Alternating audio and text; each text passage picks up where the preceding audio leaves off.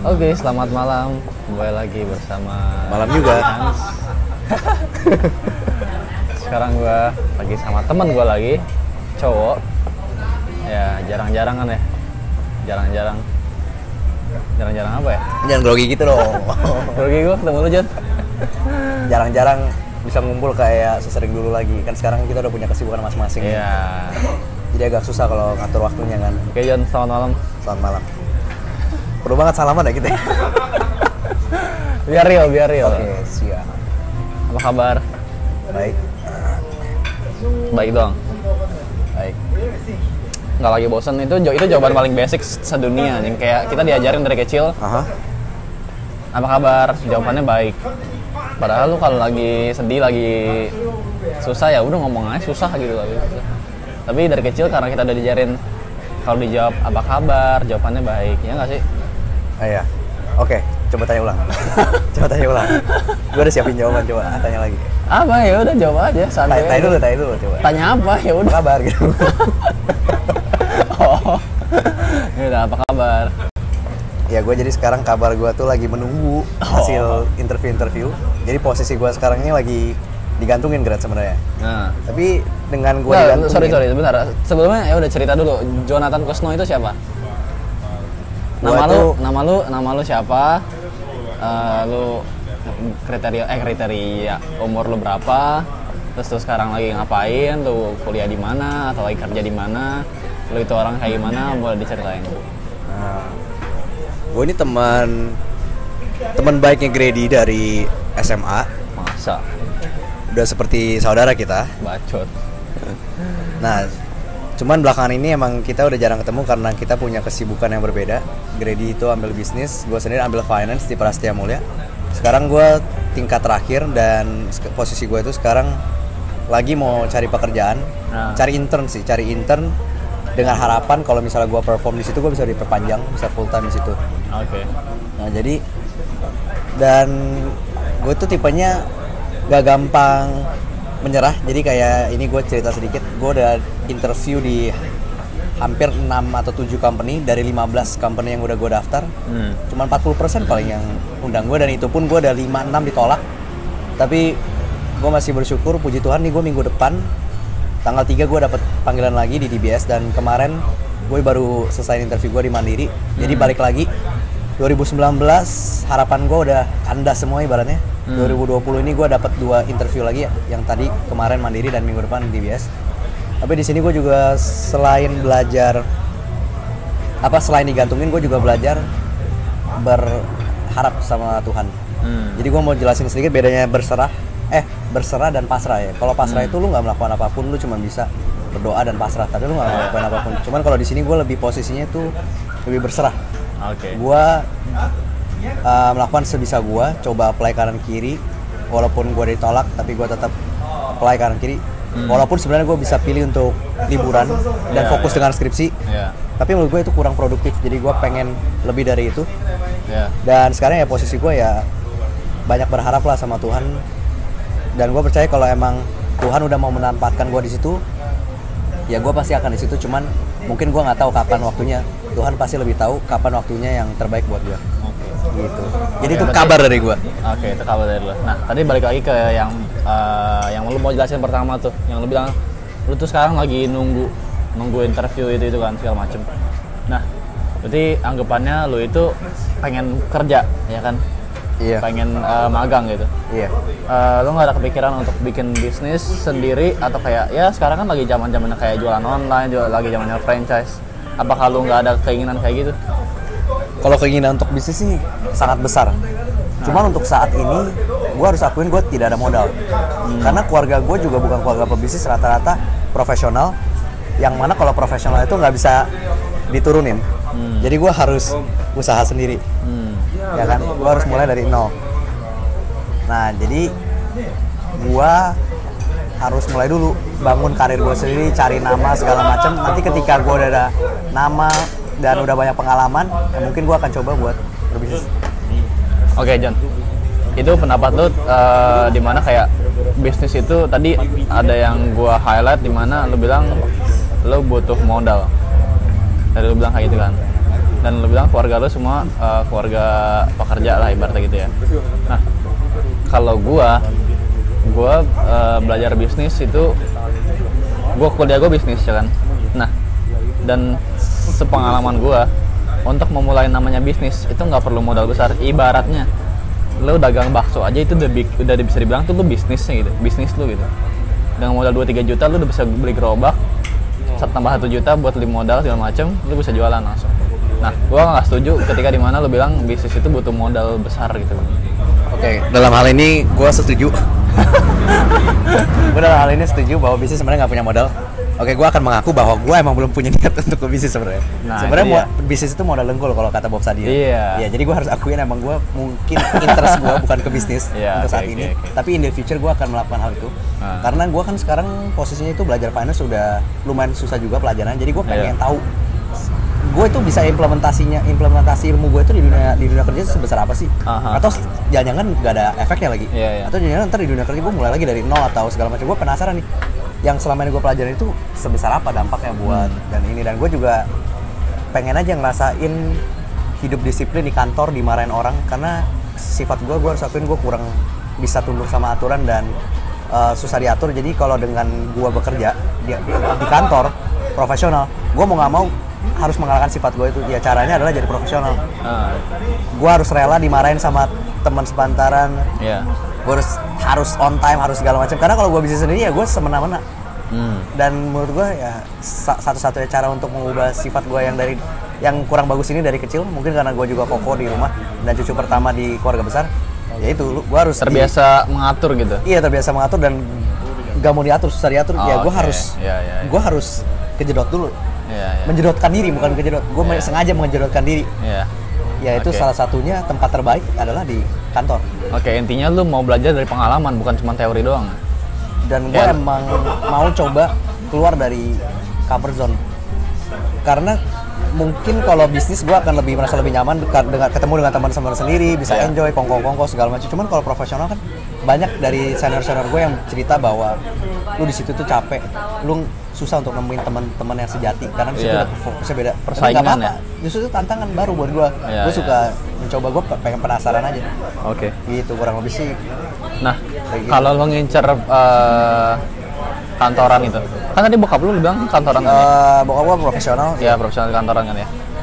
Kenapa nggak coba eh, masuk perusahaan bokap lu dulu gitu, kayak coba dari bawahannya bokap lu atau gimana gitu? Ah, pertanyaan yang sangat bagus sekali. Eh, bentar ya, gue sedikit nggak konsen ya.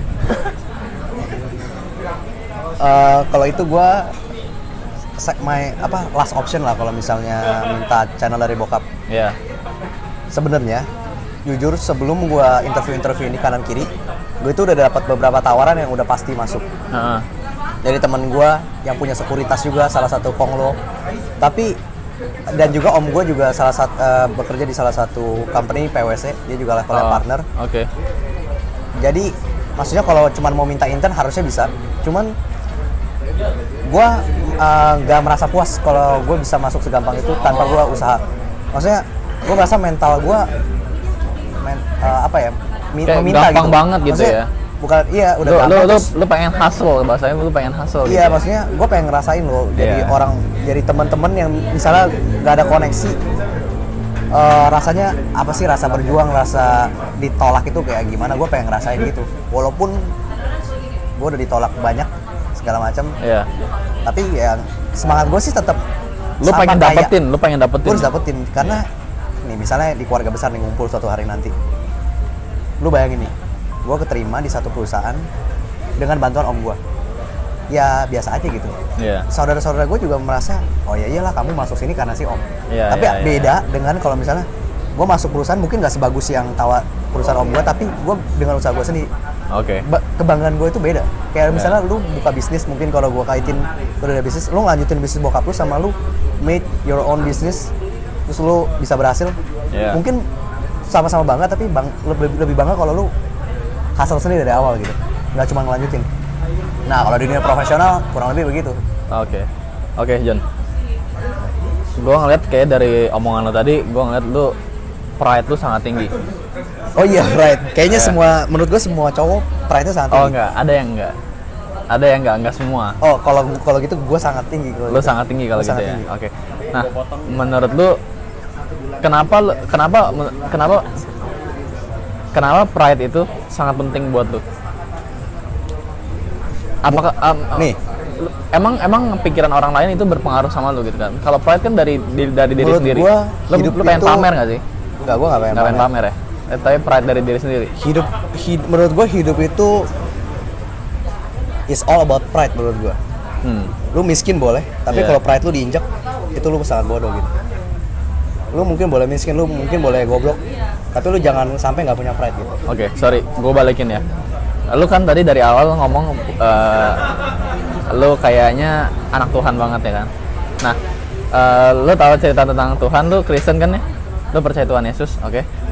Nah, cerita Tuhan Yesus kalau yang kita tahu, dia direndahkan serendah serendah-rendahnya, lahir di kandang, eh, kandang lah ibaratnya gitu kan, lahir di tempat ini sampai ketika dia di- diludahin sama orang, dia Pertanyaan sabar aja juga kan. ya. Nah, Oke. sekarang itu kontradiksi sama apa yang menjadi eh, prinsip lo gitu kayak pride itu tinggi banget eh maksudnya pride itu tuh tinggi banget gitu kayak kenapa sisi daging lu kayak pride itu tinggi banget tapi di sisi lain lu eh tetap percaya sama Tuhan gitu maksudnya ya ya ya gimana ya ya oke lu percaya Tuhan tapi kenapa lu masih pegang pride itu kayak ya udah rendah diri aja gitu maksud gua Eh, kayaknya kita punya dua persepsi yang berbeda, berbeda nih. ya Mungkin kalau rendah hati itu harus, tapi kalau Iya. rendah diri itu jangan. Nah kalau menurut Oke. gua, kalau lu pride tuh mau diinjek-injek, itu artinya lu rendah diri gitu. Oh iya, udah oke beda berarti, berarti berarti rendah hati, sorry, rendah Kalau hati. rendah hati sih, gue pengen rendah hati. Kan bukan berarti gue pride sangat tinggi, gue nggak rendah hati gitu. Ah, ah, ah, Karena ah. kaitan kalau menurut gue sendiri ya nggak tahu nih, mungkin kita punya beda opini. Kalau lu membiarkan pride lu injek-injek, itu bukan rendah hati, namanya lu rendah diri. Iya, iya, Lu iya. nggak ada pride. Ya. Jadi, iya, ya begitu. gue nggak mau di tahap seperti itu. Gue, gue akan mencoba untuk rendah hati, dan gue pengen juga bisa menjadi orang rendah hati. Karena gue juga nggak suka. Karena menurut gue sombong itu adalah dosa paling besar. Aha. Kalau lu selidikin di Alkitab, menurut gua dosa paling besar itu adalah kesombongan. Lucifer jatuh karena kesombongan dan menurut gua Tuhan paling benci sama kesombongan. Oke. Itu kenapa musuh pertama dia adalah Lucifer dan dia adalah sombong. Oke. Lebih dari apa menurut gua. Gua nggak tahu sih, gua nggak- tahu tapi yang gua tangkap Oke. sombong. Mungkin gini John, bisa gua artiin ketika lo mendapatkan semua itu sendiri dari pengalaman lu, dari hasil lu, lu bisa menginspirasi orang dan lu bisa kasih tau orang ini gua nggak dapat sendiri, gua dapat dari bantuan. Nah, exactly Tuhan," that's gitu. my point. Maksud gua kayak gitu. Ah, Itu kenapa? iya, iya, iya. Kalau lu follow second account gua, itu isinya tuh Second account.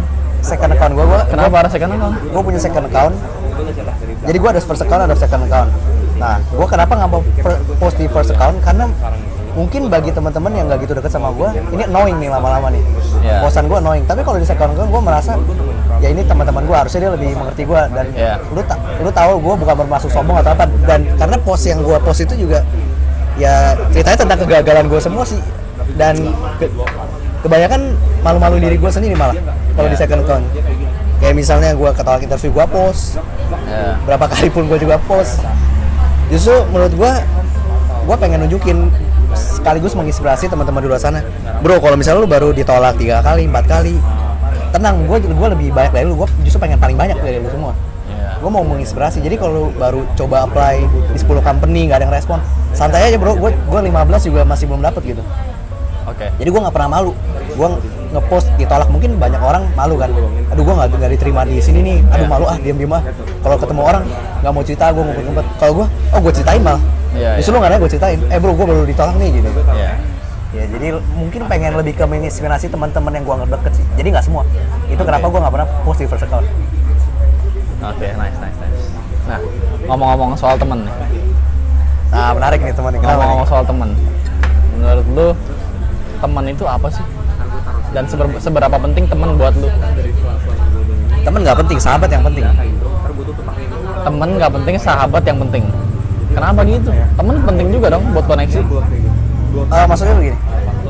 Teman itu penting buat koneksi. Tapi kalau untuk apa ya inner circle itu lebih ke sahabat. Sahabat sorry bukan nggak penting sih maksudnya eh, omongan temen nasihat dari temen menurut gua nggak gitu penting ketimbang kalau sahabat yang nasihatin gua. Sorry maksud gua karena temen itu nggak tahu lu segitunya gitu. ibaratnya iya ya. maksud gua kan temen ya kan temen itu ya mungkin lu cuma saling kenal. Eh, Iya. saling tahu Iya, saling lu tahu. siapa? Tapi lu nggak kenal gua siapa? Gua juga nggak kenal lu siapa. Itulah namanya temen.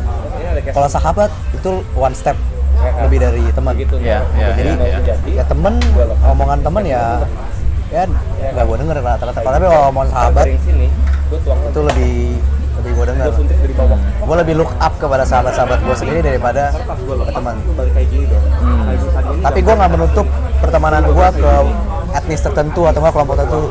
Gue orangnya make friends ke segala macem lah. Nggak mandang. Dia kaya dia miskin dia nerd dia preman segala macam siapa pun lah gitu. Jadi sahabat itu yang paling penting buat lu gitu? Sahabat segalanya menurut gua. Karena di hidup ini tuh bisa aja sahabat itu bisa lebih dekat daripada saudara gua sendiri saudara kandung gua sendiri. Iya iya iya. Sahabat Ya, itu setuju. menurut gua segalanya salah satu yang mendrive gua buat kerja keras selama ini iya dibanding masa SMA gua. Salah satu inspirasi gua tuh sahabat kalau boleh jujur. Aha. Gua pernah janji sama sahabat gua namanya Imade Yuda. Nih. ya. Ya kan? Kita biasa panggil dia Pak Pak oke. Gue pernah janji sama dia bilang kayak gini. Di pas kita masih sering-sering nongkrong di masa SMA tuh kita ada geng. Gue bilang ke dia pak mungkin kita nggak akan sering ngumpul lagi di sama kayak SMA kayak gini karena mungkin ke depannya kita akan punya kesibukan masing-masing. Percaya boleh percaya boleh nggak. Dan ternyata emang begitu. Iya Kita setuju. ketemu. iya. Tapi lu percaya nggak pak? Kalau salah satu dari kita punya duit duit itu bisa menyatukan kita. Bro datang yuk ke Bali. Semua tiket segala macam gue bayarin. Lu tinggal perlu datang aja. Sama be eh datang yuk ke Bali tapi lu bayar sendiri dan segala macam. Itu nggak akan datang. Iya makanya itu kenapa gue pengen sukses? Gue pengen salah satu yang paling sukses di antara semuanya. Salah satu bukan berarti yang paling sukses. Ya karena gue pengen ngumpulin mereka. Lagi seperti zaman dulu karena gue enjoy ketemu sahabat-sahabat gue setiap waktu. Apalagi kalau suatu hari nanti bisa punya bisnis bareng mereka.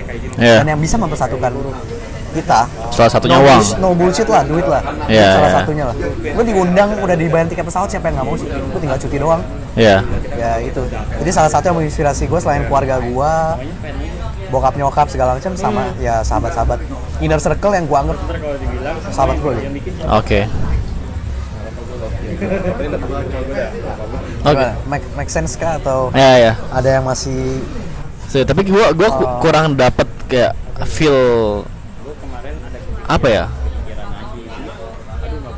Kayak nggak segitunya sih menurut gua. Lu lu lu ke sahabat ya udah.